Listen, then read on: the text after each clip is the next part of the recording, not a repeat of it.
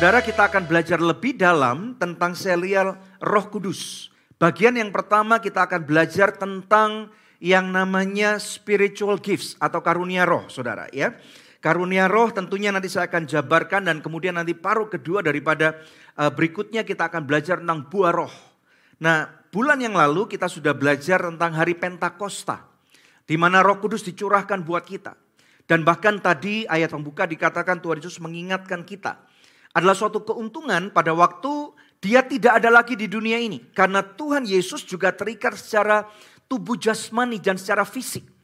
Tetapi Roh Kudus itu uh, tidak dapat dibatasi oleh ruang dan waktu. Selagi saudara sekalian, firman Tuhan mengatakan dua tiga orang berkumpul di sini bersama dengan kita sekalian di, di secara onsite di storehouse, tetapi kita juga percaya bahwa Roh Kudus yang sama ada di rumah. Jadi kalau hari ini saudara lagi mengalami pergumulan, saudara memang tidak bisa datang ke gereja, Roh Kudus pun ada di sana. Dan bahkan saya berdoa pada waktu engkau sakit, percaya saudara, bahwa dengan bilurnya Tuhan Yesus, Roh Kudus sanggup menyembuhkan saudara. Yang percaya katakan amin. Nah oleh karena itu kita sebelum masuk pembelajaran firman Tuhan, saya mengajak saudara untuk melihat satu video klip.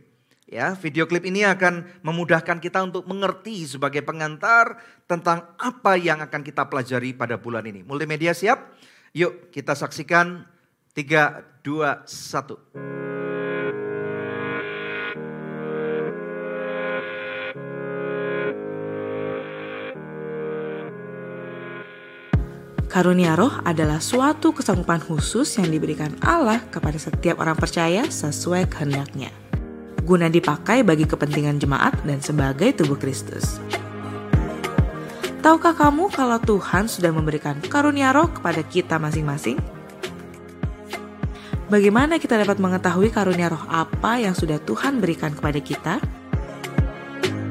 Dan apa saja yang karunia roh dapat kerjakan dalam kehidupan kita orang percaya?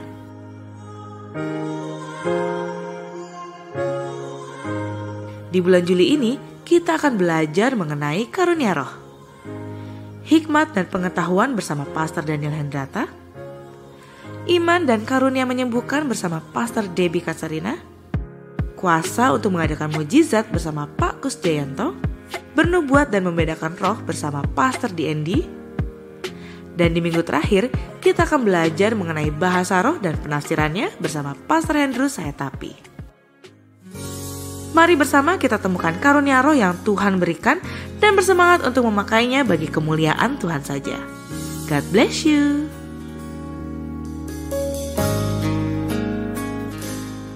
Haleluya, puji Tuhan. Kita berikan tepuk tangan untuk tim multimedia kita. Yuk, kasih semangat mereka saudara.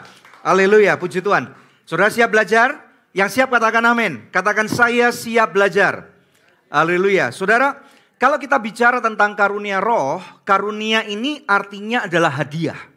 Saudara kalau hadiah berarti saudara tidak melakukan sesuatu yang signifikan, saudara cuma terima. Terima dari seseorang kepada saudara. Misal kalau saya memberikan hadiah kepada istri atau anak saya, saudara mereka nggak melakukan sesuatu. Mungkin mereka ulang tahun, mungkin mereka memang meraih suatu pencapaian tertentu, saudara. Atau mungkin out of nothing gitu. Saya berikan satu hadiah yang saya suka, yang kira-kira cocok untuk mereka. Nah hadiahnya seperti itu. Nah seorang hamba Tuhan bernama John Piper memberikan satu definisi yang saya rasa mudah untuk dicerna supaya kita mengerti yang dimaksud dengan karunia roh itu apa. Karunia roh beliau katakan yaitu kemampuan yang diberikan oleh roh kudus untuk memperkuat satu dengan lainnya. Jadi kalau kita tahu bicara tentang karunia roh sesuai dengan apa yang tadi didefinisikan itu, jadi karunia ini adalah untuk membangun, Saudara, ya. Apa yang dibangun nanti kita akan pelajari. Tetapi tentunya yang dibangun bisa juga untuk diri kita sendiri, tetapi juga untuk orang lain. Nah, Saudara sekalian, mari kita lihat ada satu uh, serial daripada kebenaran ayat firman Tuhan. Kita lihat bersama-sama ayatnya 1 Korintus pasal 12. Kita lihat ayat 4 sampai dengan ayat 11 saudara ya. Saya akan baca buat saudara, saudara boleh mengikutinya. Ini ada cukup banyak ayatnya dan saya berdoa biarlah apa yang saudara terima hari ini, ini saudara boleh uh, terima sebagai satu impartasi. Supaya saudara boleh menghidupinya dan menjadi efektif sebagai anak Tuhan pada zaman ini. Ayat 4, mari kita lihat. Firman Tuhan berkata, ada rupa-rupa karunia tetapi satu roh. Dan ada rupa-rupa pelayanan tetapi satu Tuhan. Ayat 6. Dan ada berbagai-bagai perbuatan ajaib tetapi Allah adalah satu yang mengerjakan semuanya dalam semua orang. Jadi dari tiga ayat pertama ini kita akan melihat bahwa yang memberikan karunia sekali lagi sebagai anak Tuhan kita percaya bahwa roh kudus sudah diberikan buat kita. Katakan roh kudus sudah diberikan buat saya. Ada orang-orang yang kadang-kadang khawatir pada waktu mereka mempunyai karunia tertentu. Nah kalau saudara memang percaya bahwa engkau sudah menerima Yesus sebagai Tuhan dan Juru Selamat, maka saudara harus percaya bahwa engkau sudah tidak bisa dirasuk oleh setan. Percaya enggak ini? Ada amin enggak? Jadi sebagai orang Kristen kita enggak perlu lagi berjalan di dalam ketakutan. Karena pada waktu kita menerima Yesus sebagai Tuhan dan Juru Selamat, ada satu karya kuasa daripada Roh Kudus yang membuat kita itu lahir baru, saudara. Nah, proses kelahiran baru ini tentunya bukan atas upaya kita sendiri. Yang perlu kita lakukan adalah kita menerima Dia saja, dan pada waktu ada firman diberikan kepada kita, maka kerap kali ada satu kebenaran yang diberikan. Kita tiba-tiba tidak lagi suka menghidupi cara hidup yang lama. Kita tiba-tiba nggak suka lagi uh, beroperasi atau menggunakan sistem yang tidak benar. Nah inilah salah satu perubahan kehidupan yang di dalam firman Tuhan dikatakan proses kelahiran baru. Nah kalau saudara lahir baru, maka ayat-ayat firman Tuhan ini berlaku. Ada karunia-karunia, ada hadiah-hadiah. Dan firman Tuhan dikatakan ada rupa-rupa karunia. Kalau kita berbicara dikatakan ada rupa-rupa, Berarti apa saudara? Lebih dari satu. Tetapi yang unik adalah roh di sini adalah roh huruf besar. Rohnya cuma satu. Jadi saudara nggak perlu takut. Firman Tuhan mengajarkan bahwa tubuhmu adalah bait Allah.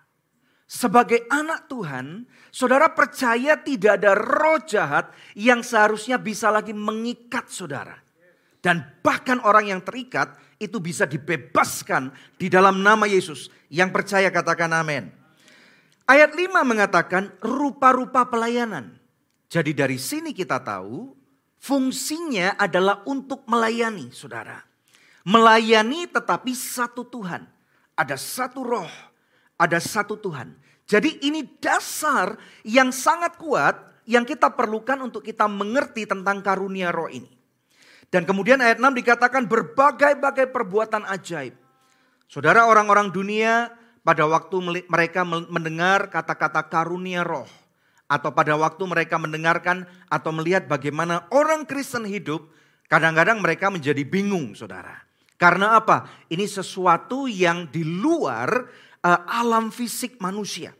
Yang mana sesuatu yang dari alam roh dimasukkan, diterjemahkan, dimanifestasikan supaya kita bisa lihat, hidupi dan bahkan sering kali kita bisa alami dalam alam jasmani kita.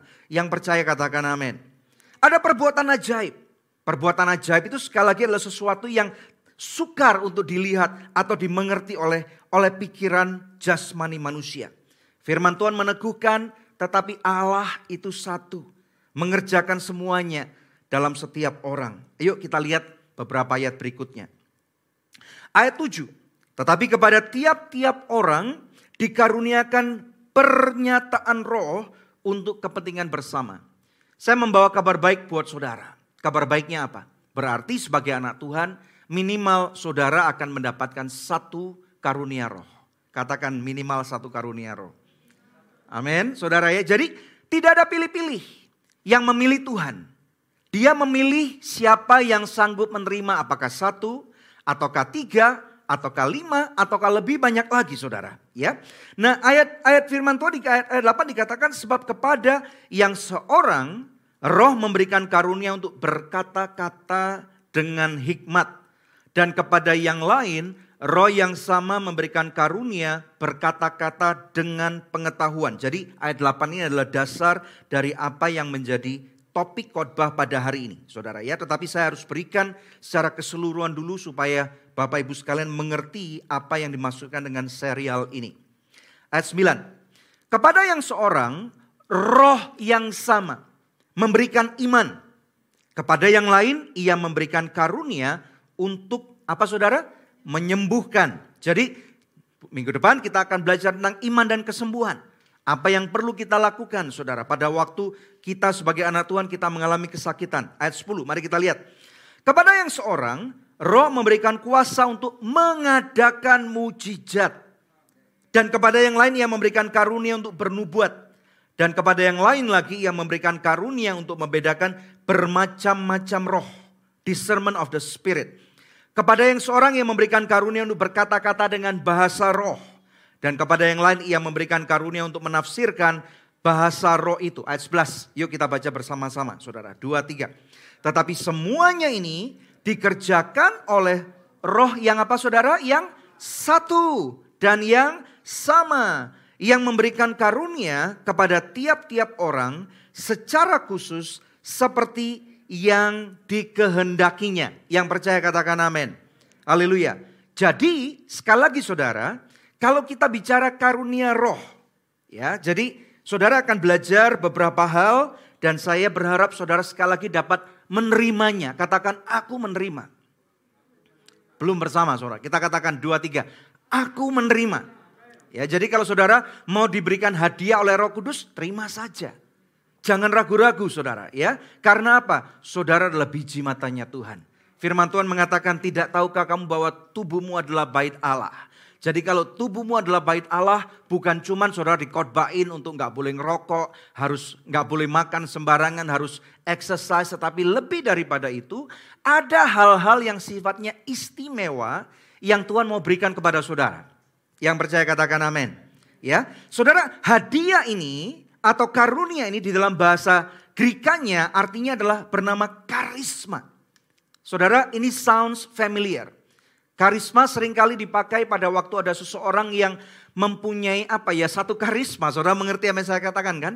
Seseorang yang mempunyai apa ya sesuatu yang mudah untuk menjerat hati seseorang. Tetapi karisma ini lahir bukan diperlu kita bedakan tidak sama dengan bawaan lahir. Ada memang seseorang yang very charming dari lahir saudara. Ada orang yang memang people oriented dari lahir. Tetapi yang saya maksudkan ini adalah suatu karisma dengan tujuan kalau saya pelajari ujung-ujungnya supaya orang itu dapat mengenal Yesus sebagai Tuhan dan Juru Selamat. Nangkep gak? Ada amin gak saudara? Saudara terima gak? Jadi kalau Tuhan berikan satu karisma atau satu karunia tertentu kepada saudara, ujung-ujungnya supaya ada produk ada manifestasi keselamatan bagi kehidupan orang lain. Saudara, kita perlu tahu karisma ini by grace.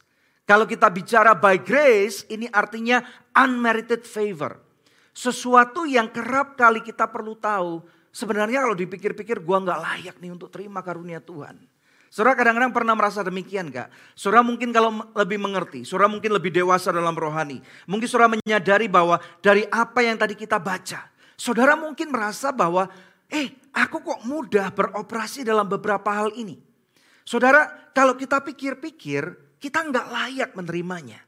Tetapi sekali lagi Tuhan memberikan kepada orang-orang yang dia pandang mampu untuk mengelolanya. Mari kita lihat saudara, lebih dalam lagi. Karisma ini diberikan kepada seseorang atas pilihan Tuhan. Katakan pilihan Tuhan. Bisa sewaktu orang itu momen lahir baru. Jadi proses lahir baru ini sangat penting. Sewaktu Tuhan Yesus bertemu dengan Nikodemus. Ini ini sangat terkenal sekali saudara.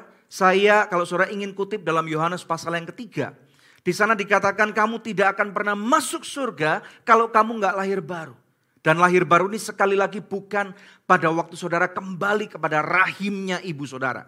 Tetapi lahir baru ini adanya perubahan yang bisa dilakukan tidak lain tidak bukan hanya oleh Roh Kudus dari dalam keluar. Ada satu perubahan yang sangat mendasar, saudara. Ada kelahiran baru, dan pada waktu kita lahir baru, eh, Roh Kudus memberikan satu paket spesial, paket bonus, ada karunia saudara. Yang percaya katakan amin. Atau sewaktu kita bertumbuh. Jadi ada dua kondisi yang membuat orang menerima kasih karunia. Yang pertama ketika dia lahir baru, nangkep ya saudara katakan lahir baru. Yang kedua ketika apa? Ia bertumbuh. Saudara bertumbuh ini maksudnya apa? Saudara rindu mempunyai pengenalan yang dalam akan firman Tuhan. Ini sangat penting sekali. Sangat penting kalau kita belajar tentang karunia roh. Sangat penting untuk saudara membaca kebenaran firman Tuhan. Sangat penting saudara mempunyai satu kerinduan untuk bertumbuh. Aku pengen bertumbuh. Bertumbuh ini tentunya bukan cuma untuk melayani di gereja. Bukan cuma itu. Bukan cuma saudara bisa menjadi worship leader. Bukan cuma menjadi pendoa syafaat. Bukan cuma menjadi pengkhotbah atau melakukan sesuatu karya bagi Tuhan. Tetapi ada satu kerinduan di mana imanmu bertumbuh. Nah pada waktu engkau bertumbuh, Bapa di surga itu akan meminta kepada roh kudusnya untuk memberikan beberapa karunia tambahan. Ini contoh singkat. Satu ilustrasi atau parable. Satu cerita ketika Tuhan Yesus mengatakan bahwa kerajaan surga itu seperti seorang tuan yang akan pergi ke tempat jauh. Masih ingat saudara? Ya. Dan kemudian tuan ini memanggil hamba-hambanya. Kepada yang satu dia berikan berapa? Ada lima talenta. Betul ya? Yang satu lagi diberikan berapa? Ada dua talenta. Dan yang satu diberikan berapa? Satu talenta. Dan ayat-ayat itu mengatakan diberikan sesuai dengan kecakapan orang itu. Namun sayangnya yang satu merasa bahwa dia ini victim saudara. Dia merasa dia iri dengan yang lain. Kenapa dia tidak diberikan lebih banyak? Bapak ibu sekalian ini berkaca kepada refleksi pada waktu saya baru menerima Yesus sebagai Tuhan dan Juru Selamat. Saya itu orangnya nggak bisa ngomong di depan banyak orang. Kalau saudara kenal saya, saya ini orangnya sebenarnya the truth of the matter adalah saya ini introvert saudara. Pada waktu saya menerima Tuhan sebagai juru selamat ada satu perubahan. Tuhan kirimkan orang-orang yang tepat. Salah satunya memang benar istri saya saudara. Tuhan pakai orang-orang seliling kita. Tuhan pakai roh kudusnya untuk bisa menumbuhkan karunia roh. Dan bahkan ada mentor-mentor yang Tuhan kirim sehingga akhirnya eh Tuhan berikan percayakan karunia kepada saya untuk berbicara di depan banyak orang. Tanpa lagi merasa saya minder. Tanpa lagi saya merasa, uh aku mau ngomong apa nih. Kakiku, tanganku dingin semua. Ini tangan saya juga masih dingin sebenarnya saudara.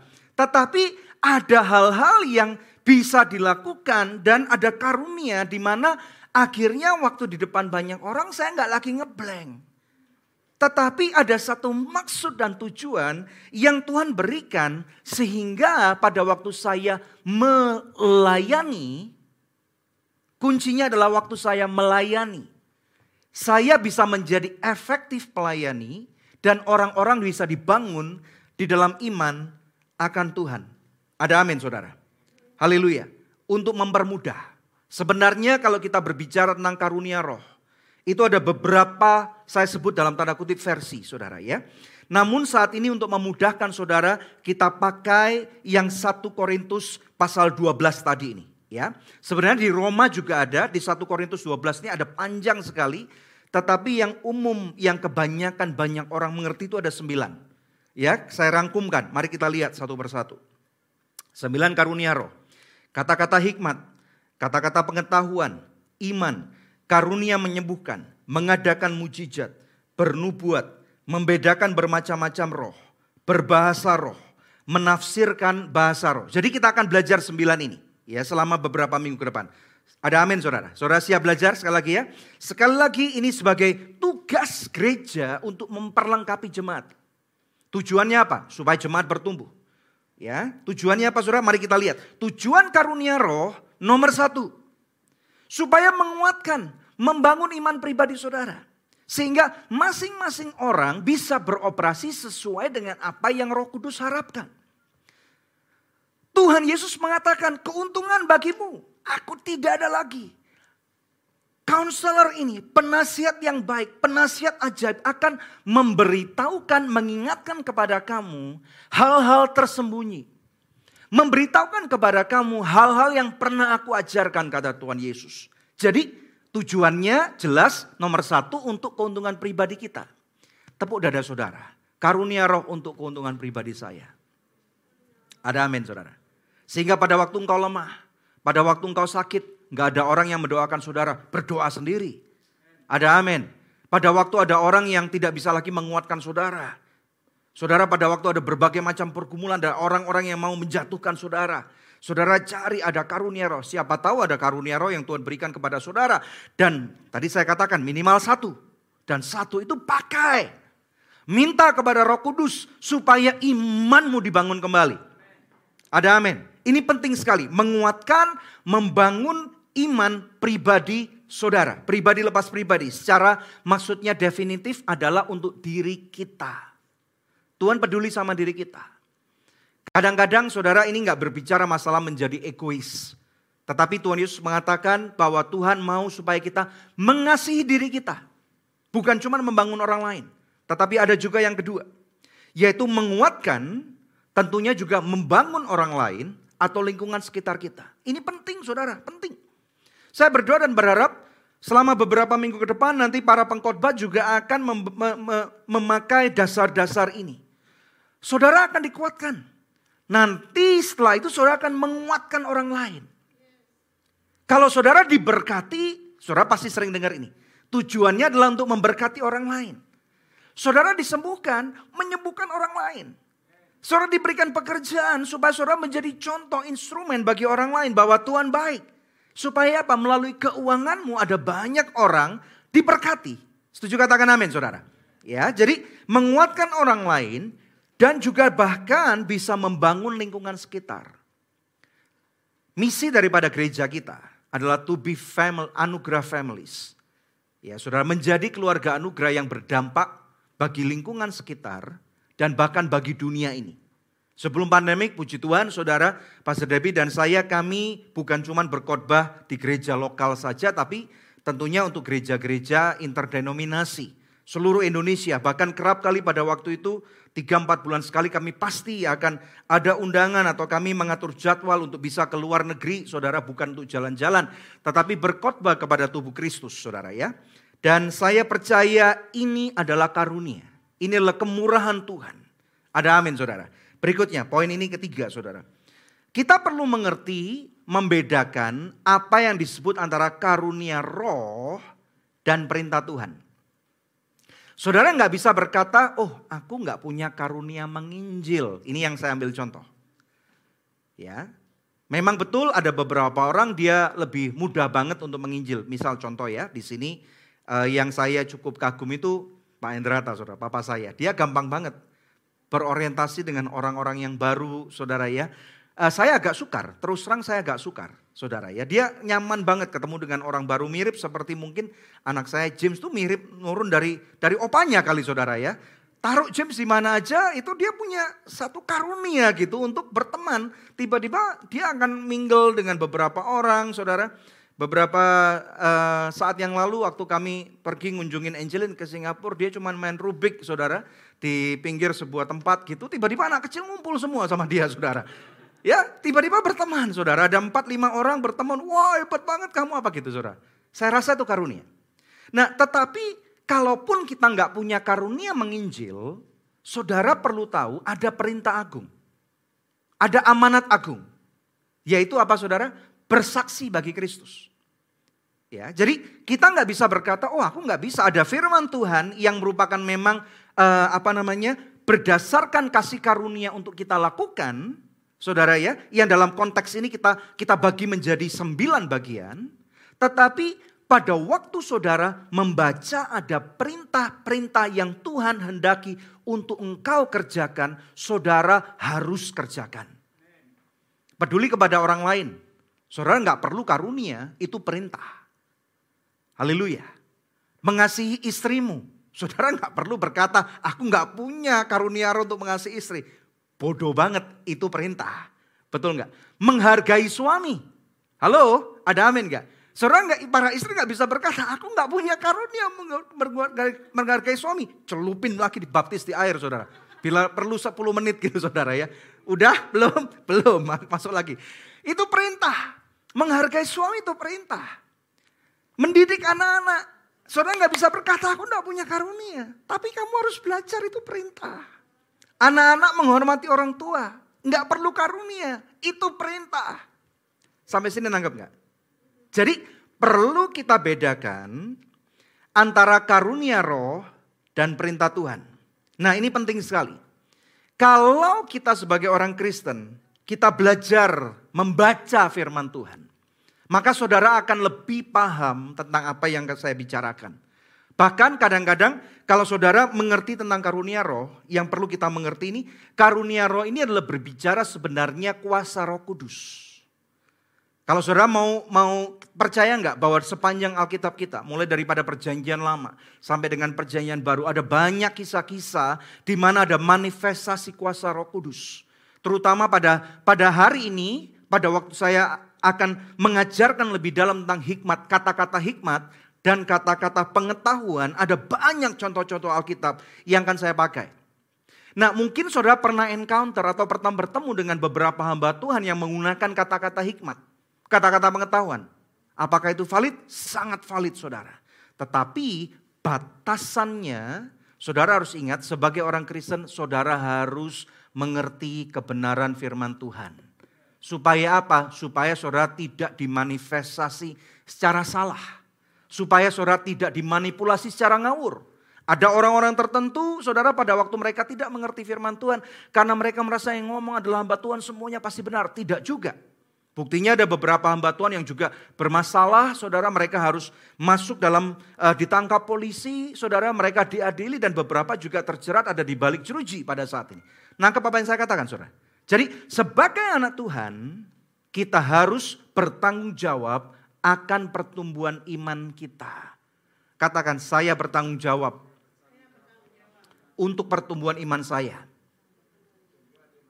Amin saudara. Sehingga pada waktu hamba Tuhan yang datang, kemudian mereka uh, kelihatan mempunyai karunia-karunia, saudara harus timbang itu. Itu discernment of the spirit juga. Ya mana yang memang benar dari Tuhan, mana yang bukan dari Tuhan. Mana yang kira-kira dia pakai untuk kepentingan orang itu, orang itu saja dan untuk menjatuhkan saudara-saudara harus awas nih.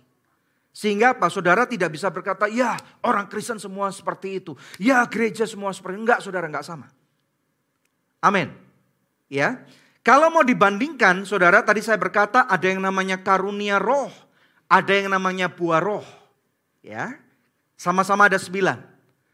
Nah, supaya gampang mengerti seperti seekor burung merpati. Merpati itu atau burung atau seperti ini contoh-contoh ini saudara ya. Itu mereka punya sayap. Ada sayap kiri, ada sayap kanan. Nah perlu keseimbangan. Keseimbangan untuk bisa take off, untuk bisa terbang. Sama seperti sebuah pesawat terbang. Karunia roh anggap aja sayap yang satu. Buah yang buah roh anggap aja sayap satunya lagi. Sehingga pada waktu bertumbuh bersama-sama, dikerjakan bersama-sama, dihidupi bersama-sama, maka yang terjadi adalah pesawat itu bisa take off. Burung itu bisa terbang. Nangkep nggak? Cuman nanti kalau saudara belajar sedikit lebih dalam ya tentang. Buah roh ini saudara bertanggung jawab mengupayakan. Kalau karunia roh engkau terima, buah itu saudara upayakan. Nangkap ya? Haleluya. Yuk kita lihat lebih dalam. Saya berdoa sekali lagi nih. Saya berdoa, semalam saya berdoa, Tuhan bagaimana nih caranya supaya orang-orang atau jemaat-jemaat dapat menghidupinya dengan baik. Saya berdoa biarlah selagi saya berkhotbah ini saudara. Ada rema yang akan saudara terima dan saudara akan boleh dibebaskan oleh Tuhan atau dimerdekakan dan saudara menerima sesuatu dari Tuhan. Saya akan lihat bagian yang pertama, kata-kata hikmat. Ya, saudara ya. Saudara, Kata-kata hikmat ini definisinya adalah karunia yang berhubungan dengan karunia berbicara. Jelas ini saudara, kata-kata hikmat. Jadi nggak sama dengan hikmat. Kata-kata hikmat dan hikmat adalah dua hal yang berbeda. Nanggap ya. Kalau hikmat saudara bisa belajar dari banyak ayat-ayat yang ada di kitab Amsal itu full of wisdom. Tetapi kata-kata hikmat itu pada waktu ada seseorang yang dipakai Tuhan untuk menjabarkan misalnya kebenaran firman Tuhan. Memang betul tidak selalu kontekstual berdasarkan firman Tuhan saja, bisa juga dikondisikan atau dihubungkan dengan kondisi dan situasi yang ada. Misal, misal saudara, zaman-zaman ini memang tidak mudah. Saudara, memang kita di Indonesia diberkati Tuhan punya beberapa sumber macam saudara bisa beli bahan bakar untuk sepeda motor saudara atau mobil saudara. Ada Pertamina dan ada beberapa perusahaan swasta yang beroperasi di Indonesia. Kalau saudara lihat perusahaan swasta, saudara saya nggak habis pikir. Satu liter bensin 21 ribu. Solar 21 ribu 900. Kalau saudara tinggal di negara-negara lain yang uh, pemerintahnya tidak tidak bisa mengunci harga, saudara akan mengikuti harga itu. Di Amerika satu galon saya dengar sudah 9 dolar something saudara. Satu galon itu sekitar hampir 3 liter.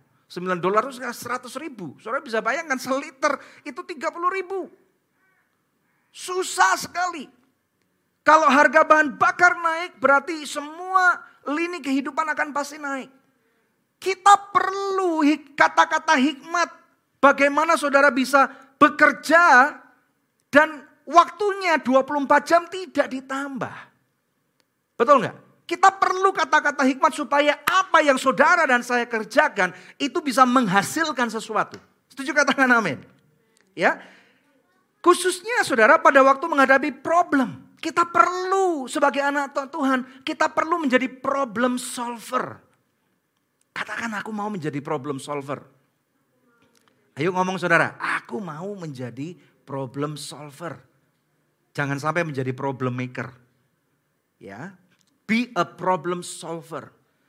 Kita bisa menjadi problem solver di generasi kita, di zaman ini, di kota kita, di daerah lingkungan apartemen di mana saudara tinggal, di daerah kota di mana saudara berada, atau di tempat di mana marketplace Tuhan percayakan kepada saudara, karena ada roh kudus yang beroperasi di dalam kehidupanmu. Bayangkan kalau misalnya ada kata-kata hikmat saudara. Mungkin seorang individu punya masalah. Saudara kemudian ada satu, apa ya biasanya itu ada satu rasa yang bukan tidak nyaman tetapi ada satu kegundahan dalam saudara. Saya nggak tahu saudara mengerti nggak? Ada satu kegundahan. Biasanya kalau saya mengalami ini, ada satu kegundahan dan saya harus sampaikan kepada orang itu. Dan sering kali kalau saya sampaikan itu bisa menjadi berkat buat individu itu. Bisa untuk keluarga-keluarga. Bisa untuk bahkan pertumbuhan gereja bahkan untuk pertumbuhan bisnis atau bahkan negara sekalipun. Nanti saya akan kasih contoh Saudara. Ya, sehingga pada waktu ada orang atau saudara diberikan karunia oleh Tuhan di dalam kata-kata hikmat ini sering kali akan tercipta satu hubungan. Hubungan yang lebih baik. Hubungan yang lebih kuat. Ada pintu-pintu kesempatan, pintu-pintu baru yang terbuka. Kemudian bahkan Seringkali tidak tidak tidak lupa juga akan ada conviction daripada Roh Kudus, penyadaran. Orang gereja biasanya bilang tertempelak oleh Roh Kudus. Ya, dan bahkan tidak sedikit yang juga mengalami teguran. Ada teguran-teguran disampaikan saudara. Jadi kalau kita berjalan bersama dengan Tuhan, kita nggak bisa cuman expect atau mengharapkan kita mendengarkan yang baik saja. Betul? Setuju? Ya, karena apa? Firman Tuhan mengatakan kamu bukan anak gampangan. Kalau kamu bukan anak gampangan, Tuhan mau didik saudara dan saya. Kalau ada kata-kata teguran, terima. Jangan marah. Apalagi kalau memang itu benar.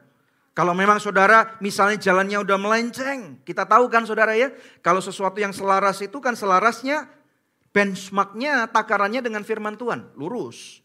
Tetapi kalau kita melenceng sedikit dua derajat aja lama-lama menjadi jauh. Kita perlu ditegur. Teguran kalau kita bisa terima dengan baik akan membuat kita selaras kembali. Sesuai dengan apa yang Tuhan mau. Nangkap nih saudara. Ya itu kata-kata hikmat. Yang kedua. Mari kita lihat kata-kata pengetahuan. Bapak ibu sekalian. Kata-kata pengetahuan itu sama. Adalah karunia berbicara lainnya yang berhubungan dengan kebenaran yang merupakan pewahyuan atau bisikan Roh Kudus tentang hal-hal tersembunyi. Saya ulang nih, Saudara. Kadang-kadang kalau misalnya contoh nih ya, ada orang-orang yang saya layani.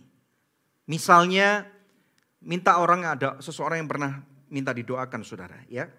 Waktu itu uh, kami lagi melayani bukan melayani di gereja Saudara, mendoakan saja. Ada orang yang waktu itu memberkati kami kami pelayanan di Malaysia, saudara, dan itu uh, waktu selesai kami akan pulang, kami mendoakan orang itu, dan kemudian tiba-tiba Roh Kudus taruh dalam hati saya untuk ngomong tentang anaknya, saudara. Dan saya nggak, tentunya orang itu baru pertama kali saya ketemu. Dan anaknya juga saya nggak tahu anaknya berapa, orangnya umurnya sekitar sepapa saya, saudara, sepak Hendrata. Dan kemudian saya ngomong sesuatu yang saya juga secara intinya itu apa saya lupa, tetapi saya ngomong bahwa anak kamu nggak perlu takut, Tuhan akan berikan lagi anak yang lain. Saya juga nggak tahu, saya cuma sampaikan saudara. Dan kemudian tiba-tiba orang itu menangis. Setelah selesai orang itu bercerita, how do you know that? Maksudnya apa? Saya juga nggak tahu. Dia mulai cerita saudara bahwa putrinya itu keguguran. Ya saudara dan akibat daripada keguguran ini putrinya begitu terpukul. Saya nggak tahu waktu itu eh, kandungannya udah cukup besar kalau saya nggak salah saudara sehingga dia merasa terpukul sekali dan dia dia imannya merasa jatuh sekali saudara. Dan kata-kata itu menjadi satu penguatan. Saya tidak pernah tahu, nggak pernah kenal orang ini. Orang ini cuma memberkatin kami. Uh, dan kemudian pertemuan yang singkat itu, kalau saya nggak salah itu tahun 2000, sekitar tahun 2005, eh 2007 saudara. And guess what? Dari satu kata-kata pengetahuan itu sampai dengan hari ini, di tahun 2022 berarti udah 15 tahun. Kami bersahabat sekarang saudara. Beberapa saat yang lalu waktu kami ke Malaysia bertemu kembali saudara. Melihat dia, kita menjadi ngomong-ngomong kembali, saudara, hubungannya menjadi sangat baik. Atau contoh yang lain, ini contoh, saya kasih contoh saudara ya. Kalau misalnya ada suatu kali ada satu orang jemaat saudara di tempat ini. Waktu uh, makan siang uh, jemaat itu baru dat, baru baru baru beberapa kali kebaktian, kemudian kami doakan saudara, tiba-tiba Roh Kudus ngomong sama saya. Tuhan lagi saya cuma ngomong gini, saya mendengar kata-kata rahim. Kan ini perempuan saudara, ada perempuan, ada suaminya, saya sama istri saya. Saya nggak ngerti kenapa Tuhan taruh kata-kata rahim. Saya cuma ngomong, aku mendengar, aku merasakan ada satu kata-kata rahim. Saya nggak ngerti saudara. Dan ternyata orang itu memang benar mengalami kesusahan untuk punya anak.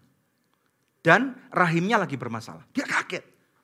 Kita nggak pernah kenal, nggak pernah tahu nih saudara. Berhubungan dengan itu. Jadi ada satu bisikan Roh Kudus yang memberitahukan supaya kita bisa menjadi efektif melayani. Atau kerap kali contoh-contoh yang lain yang yang mudah supaya kita uh, mengerti itu adalah pada waktu seorang konselor memberikan nasihat kepada orang yang bermasalah.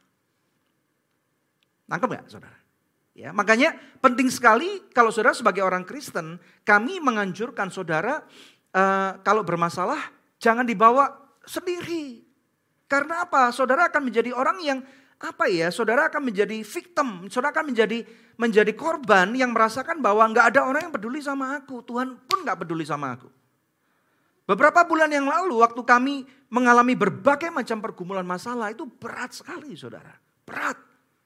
Bahkan saya tidak pernah kehilangan damai sejahtera, tetapi bulan-bulan itu saya kehilangan damai sejahtera. Puji Tuhan ada orang-orang yang Tuhan berikan untuk menghubungi saya, bukan untuk menghakimi, bukan untuk uh, apa namanya ngomong hal-hal yang negatif, tapi untuk menguatkan. Ada pengetahuan-pengetahuan, ada ada kadang-kadang uh, word of knowledge itu bisa terkandung di dalamnya word of comfort, comforting. Saudara, pengetahuan untuk melepaskan apa yang Tuhan taruh di dalam diri saudara, itu perlu karunia. Sekali lagi saya tidak tahu di dalam kehidupan jemaat ini, karunia macam apa yang Tuhan berikan kepada saudara. Tugas kami sebagai gereja adalah menemukan. Makanya kita ngomong tentang hal ini supaya kalau saudara tahu ada hal-hal yang merupakan seperti karunia yang saya atau nanti kita akan kami jabarkan selama beberapa minggu ini, saudara bisa spot on. Nangkep gak? Dan nanti saudara bisa saling sharekan kepada kelompok-kelompok kecil saudara minimal melalui komsel-komsel saudara supaya kita bisa mengerti ini kekayaan surga yang Tuhan percayakan kepada gereja ini. Dengan cara itu yang kita mau dari gereja ini adalah supaya saudara kalau ada karunia itu Saudara terima itu untuk berkat saudara. Itu membangun imanmu. Tetapi pada saat yang bersamaan jangan disimpan. Salurkan. Amin nggak? Ngerti nggak maksud saya? Yang ngerti katakan amin. Salurkan. Berikan kepada orang lain. Firman Tuhan mengatakan lebih diberkati kamu pada waktu kamu apa? Menerima atau memberi? Memberi daripada kamu menerima. Makanya kalau misalnya kadang-kadang uh, kami melihat ada orang-orang, eh kamu mau nggak diberikan kesempatan untuk melayani ini? Saudara jangan ngomong nggak mau, nggak mau, saya nggak bisa, nggak bisa. Mungkin kadang-kadang kami diberikan kemampuan oleh Tuhan untuk melihat sesuatu yang nggak kelihatan. Saudara hari-hari ini kita perlu loh untuk melihat sesuatu yang tidak kelihatan. Saya tidak berbicara tentang melihat tuyul, melihat gendruwo, melihat sundel bolong. Enggak saudara. Itu itu dijauhkan dari kita. Itu kastanya rendah. Betul nggak? Ya, tetapi yang saya maksudkan adalah hari-hari ini kita perlu pengetahuan dan hikmat Tuhan. Kita perlu kata-kata pengetahuan. Kita perlu kata-kata hikmat. Seringkali waktu saya mau ditugaskan untuk melayani di suatu tempat, saudara. Terutama berdoa bagi seseorang. Seringkali saya berdoa seperti itu. Tuhan, celikan mataku. Untuk aku melihat apa yang gak aku lihat. Atau orang lain lihat. Bukakan telingaku supaya aku mendengar daripada Tuhan apa yang Tuhan mau sampaikan untuk disampaikan kepada jemaat. Penting ini saudara, penting. Ada amin gak saudara? Nah, ada kata-kata hikmat, ada kata-kata pengetahuan. Nangkep? Saudara? Yang uniknya dua-dua ini kerap kali berkaitan. Oke ya? Nah, kadang-kadang saya menyadari saya saya Pardon me saudara, saya tidak tidak menyombongkan diri. Tetapi sering kali Tuhan percayakan kepada saya dua karunia ini. Kata-kata hikmat, kata-kata pengetahuan. Saya nggak tahu bagaimana caranya, saya cuma terima dari Tuhan. Ya. Nah, dua, dua karunia ini kerap kali berkaitan. Contoh saudara, saya katakan, ketika misalnya saya membantu orang yang konseling. Saya bisa efektif banget. Saya bisa merasa hidup pada waktu ada ada orang bermasalah datang dan kemudian menceritakan masalahnya. Kadang-kadang tidak terlalu perlu lama dan saya akan ngomong ini loh yang kamu kamu rasa nggak kayak gini A B C D selesai. Dan orang itu kadang-kadang merasa simpel banget. Aku nggak lihat ya ya itu terima aja karunia Tuhan. Ada amin, nangkep saudara. Ya, kalau ada ada ibu-ibu atau bapak-bapak konselor kamu perlu minta tuntunan Roh Kudus. Kalau ada suami istri misalnya lagi bermasalah, mereka ribut, datang kepada kepada kalian. Saudara nggak bisa cuma mendengarkan satu sisi. Karena yang ngomong itu biasanya pasti nggak mau disalahkan. Dia nggak mungkin ngomong, Bapak Ibu tahu nggak saya nih loh yang yang kurang ajar. Saya yang ini, saya yang julek, saya yang ini. Dia akan nyalahkan satunya saudara. Betul ya? Sama seperti anak kecil saudara. Kalau misalnya saudara punya dua orang anak, yang satu lapor kepada saudara, yang dilaporkan adalah kejelekan daripada kakaknya atau adiknya. Dia nggak mungkin bilang, papi, pami, tahu nggak yang nakal tuh aku. Yang ambil permen duluan aku, yang mukul duluan tuh aku. Nggak mungkin saudara. Jadi perlu hikmat dari Tuhan dan kita perlu berbangga bahwa ini bukan kemampuan natural atau alamiah kita.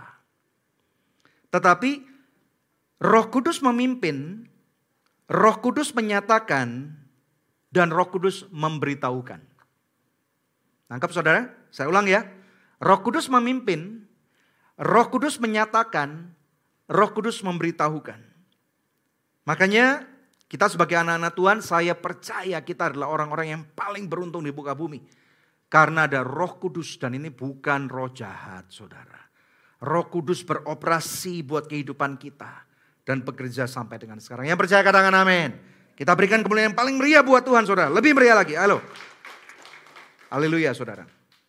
Saya kasih contoh. Beberapa contoh dari Alkitab. Saya tidak mau cuman contoh dari apa kata saya pengalaman saja saudara. Contoh kata-kata hikmat di dalam Alkitab. Salah satunya adalah saudara ingat ketika Tuhan Yesus ditanya, murid-muridnya ditanya, eh guru kamu membayar uh, bea cukai untuk bait Allah enggak? temple tax. Ya, atau pada waktu itu ada orang yang datang, uh, Yesus, apakah kita harus membayar pajak kepada kaisar atau kepada Allah? Ingat nggak saudara? Ya, ini tujuannya adalah untuk menjebak. Kalau saudara ikut morning devotion, pasti saudara tahu kisah ini. Karena kita pernah bahas nih saudara.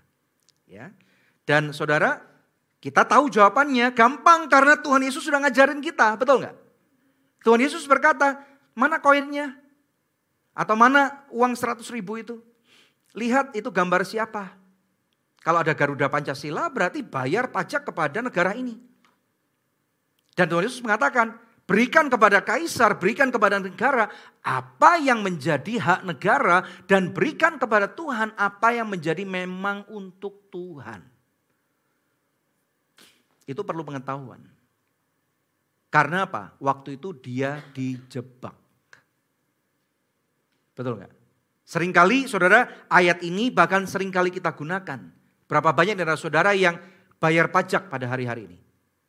Membayar pajak sudah bukan lagi sesuatu yang seharusnya susah atau kita perlu pikirkan karena itu kewajiban kita sebagai anak Tuhan, sebagai sebagai murid Yesus, kita mesti bayar pajak ke negara ini. Yang percaya katakan amin. Amin, Saudara. Kok diam? Stres ya ngomong bayar pajak ya? Yang kedua, bagaimana dengan kewajibanmu untuk mengembalikan kepada Tuhan? Yang satu perlu didengar, yang satunya bukan untuk dilupakan, kata Tuhan. Banyak orang yang cuma bayar Pak Daniel, Pastor Daniel bayar pajak kata susah apalagi mengembalikan kepada Tuhan. Ya itu berarti saudara yang berproblem. Saudara yang problematik. Saudara yang tidak percaya kepada apa yang firman Tuhan katakan. Kami pun sebagai hamba Tuhan harus mengembalikan kepada Tuhan apa yang menjadi haknya Tuhan. Kami nggak bisa cuma simpan untuk diri kami sendiri. Karena aku imam, Nggak bisa saudara. Kita sebagai anak Tuhan, kita punya kewajiban untuk membayar pajak kepada negara ini dan mengembalikan kepada Tuhan apa yang memang perlu dikembalikan kepada Tuhan. Amin. Yang percaya katakan amin. Yang merasa tertegur katakan haleluya. Contoh yang kedua, Raja Salomo. A man full of wisdom. Tapi ini bukan cuma wisdom saudara. Kalau wisdom itu bisa bawaan lahir, tapi ini words of wisdom. Satu kali ada dua orang ibu yang mengaku bahwa satu bayi ini anak mereka. Betul nggak? Ya, susah saudara. Kalau kita nggak baca itu susah loh. Apalagi zaman itu tidak ada tes. Saya akan berhati-hati menyebutkan tes darahnya ini saudara. ya, betul nggak? Betul? Kalau zaman sekarang ada tes darah bisa di mikroskop. Ya saudara sama itunya. DNA-nya sama. Betul nggak? Zaman itu udah ada. Salomo terima kata-kata hikmat dari Tuhan dan mengatakan ambil pedang, belah dua. Yang satu berkata, iya ayo cepat.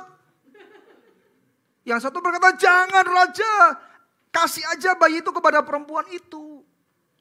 Dan raja berkata, kasih bayi itu kepada perempuan itu yang tidak mau bayi ini mati. That is amazing. That is word of wisdom. Nangkep gak saudara? Ya. Dan hal itu yang kita perlukan pada hari-hari ini. Untuk melihat apa yang tidak terlihat. Namun sering kali mata kita, kita ini tertipu oleh mata kita. Kita tertipu oleh lingkungan kita. Ayo saudara kita kembali. Kita mau rebuilding life. Kita mau bangun ulang kehidupan kita. Yang sudah ya sudah. Sekarang kita mau bangun. Siapa mau membangun kehidupan? Ayo kita bangun kehidupan. Kita perlu kata-kata hikmat dari Tuhan. Berikutnya, saudara. Ya, saya berikan contoh karena waktu ya. Saya berikan contoh dari Firman Tuhan. Contoh uh, penggabungan kata-kata hikmat dan pengetahuan. Ini menarik. Ingat ketika Daniel diminta oleh Raja Nebukadnezar. Ini permintaan yang very ridiculous, keterlaluan banget. Artikan mimpiku. Raja Nebukadnezar berkata seperti itu. Mimpinya apa Raja? Kalau diomongin kan gampang. Kalau zaman sekarang ada buku primbon. Betul ya? Dan Raja berkata, kalau aku kasih uh, mimpiku berarti kamu akan mengada-ngada. Kamu omongin dulu mimpiku apa. Kan susah nih saudara. Betul nggak? Ini perlu kata-kata knowledge, kata-kata pengetahuan. Dan ini yang yang levelnya sangat tinggi. Dia harus berdoa, berpuasa, bertanya kepada Tuhan. Kalau salah ngomong, dia dipenggal kepalanya saudara. Ya, dan saudara tahu jawabannya kan? Di dalam kitab Daniel dikatakan bagaimana dia memberitahukan kepada raja isi daripada mimpinya dan word of wisdom beroperasi ketika dia memberitahukan kepada raja artinya. Nangkep gak? Contoh yang lain lagi ketika Yusuf diminta oleh Raja Firaun memberitahukan arti mimpi. Memberitahukan arti mimpi berarti ada word of wisdom. Maaf, word of knowledge ini saudara. Karena dia tahu. Tetapi raja berkata maksudnya apa ya? Itu di sana kemudian eh, kata-kata kata-kata hikmat itu mulai beroperasi. Dan kita tahu saudara, akibatnya Mesir itu dilalukan daripada masa kekeringan, melewati masa kekeringan, tetapi kemudian mereka menjadi berkat. Karena satu orang ini, Yusuf. Saya berdoa, biarlah ada Yusuf-Yusuf di generasi ini yang Tuhan akan bangkitkan, yang punya karunia, kata-kata hikmat dan kata-kata pengetahuan, supaya saudara bisa menjadi berkat. Bayangkan kalau suatu kali jemaat dari ACS dipanggil ke istana presiden Bukan baris krim saudara. Kalau baris krim sering mudahan. Tapi bayangkan kalau dipanggil, betul nggak? Kalau dipanggil ke istana presiden itu beda saudara. Ya, sama berdegupnya tapi degupnya lain gitu loh saudara. Ya jadi saya berdoa biarlah akan ada jemaat-jemaat ACS yang diberikan karunia hikmat dan pengetahuan oleh Tuhan sehingga saudara akan menjadi berkat dan jawaban buat banyak orang dan lingkungan yang ada. Saudara saya rasa pada waktu kita ngomong tentang karunia-karunia ini, sekali lagi saudara, kita perlu menghidupinya. Ketika saudara mengalaminya, maka akan lebih mudah saudara mengerti tentang apa yang dikatakan. Ada amin gak? Ya, sebagai kata-kata penutup. Ya, kita berdoa nanti kita bisa omongkan nanti lebih dalam uh, di komsel kita Saudara ya. Dari apa yang Saudara terima, Saudara berdoa kalau memang Tuhan percayakan ada kata-kata hikmat, kata-kata pengetahuan, lakukan. Batas amannya adalah saudara tidak melanggar konteks firman Tuhan. Itu batas amannya. Udah, pasti aman. Mari kita bangkit berdiri saudara. Ayat terakhir yang akan kita baca bersama-sama. 1 Petrus 4 ayat 10 sampai dengan 11. Firman Tuhan mengatakan kita baca 2 3. Layanilah seorang akan yang lain sesuai dengan karunia yang telah diperoleh tiap-tiap orang sebagai baik pengurus yang baik dari kasih karunia Allah. Ayat 11. Jika ada orang yang berbicara, baiklah ia berbicara sebagai orang yang menyampaikan firman Allah jika ada orang yang melayani, baiklah ia melakukannya dengan kekuatan yang dianugerahkan Allah. Supaya Allah dimuliakan dalam segala sesuatu karena Yesus Kristus. Ialah yang punya kemuliaan dan kuasa sampai selama-lamanya. Amin. Mari kita berdoa. Bapak kami berterima kasih. Kami tahu Tuhan bahwa belajar saja tidak cukup. Kami perlu menghidupi Tuhan. Biarlah Tuhan kami mengalami apa yang dimaksudkan dengan kata-kata hikmat dan kata-kata pengetahuan. Dan Tuhan kalau memang kau percayakan kepada anak-anakmu di tempat ini. Biarlah Tuhan karunia-karunia ini boleh muncul. Boleh bermanifestasi. Sehingga Tuhan iman mereka boleh bertumbuh. Dan bukan cuma iman mereka Bapak. Tetapi mereka juga berfungsi untuk saling melayani membangun jemaat ini, membangun orang yang lain. Sehingga Tuhan kami boleh Tuhan berdampak. Kami boleh menjadi perwakilan kerajaan surga. Kami percaya bahwa Tuhan Yesus dipermuliakan. Saudara kalau engkau tahu bahwa firman Tuhan berbicara kepada saudara. Ataupun kalau engkau sadar, mungkin kau sadar selama ini ada sesuatu. Ada kata-kata hikmat, ada kata-kata pengetahuan yang Tuhan percayakan kepada saudara, tetapi saudara bingung cara beroperasinya. Saat ini aku berdoa dalam nama Yesus. Biarlah roh kudus menaungi saudara. Biarlah Roh Kudus akan membantu saudara. Biarlah engkau menavigasikan sesuai dengan apa yang menjadi kehendak Tuhan. Sehingga karunia ini pada waktu dipercayakan, diberikan kepada saudara. Tidak akan pernah kembali dengan sia-sia. Tidak akan saudara cuman kubur. Seperti hamba yang punya cuman satu talenta itu. Tetapi cuman satu talenta itu. Bahkan kalau engkau serahkan kepada tangan Tuhan. Hidupmu akan mempermuliakan namanya. Ya Bapa, terima kasih. Terima kasih. Biarlah anak-anakmu bertumbuh. Roh Kudus, ini waktumu. Beracara Roh Kudus. Terima kasih. Terima kasih Tuhan, terima kasih. Terima kasih. Dalam nama Tuhan Yesus Kristus, kami berdoa dan mengucapkan syukur. Yang diberkati Tuhan katakan. Amin. Tuhan Yesus memberkati. Silakan duduk. Kasih karena kamu sudah join dan mendengarkan khotbah dari Pastor Daniel Hendrata di podcast Anugerah Church. Kalau kamu diberkati dengan podcast ini, yuk share ke teman-teman lainnya agar lebih banyak lagi jiwa yang diberkati. Anugerah Church at Storehouse.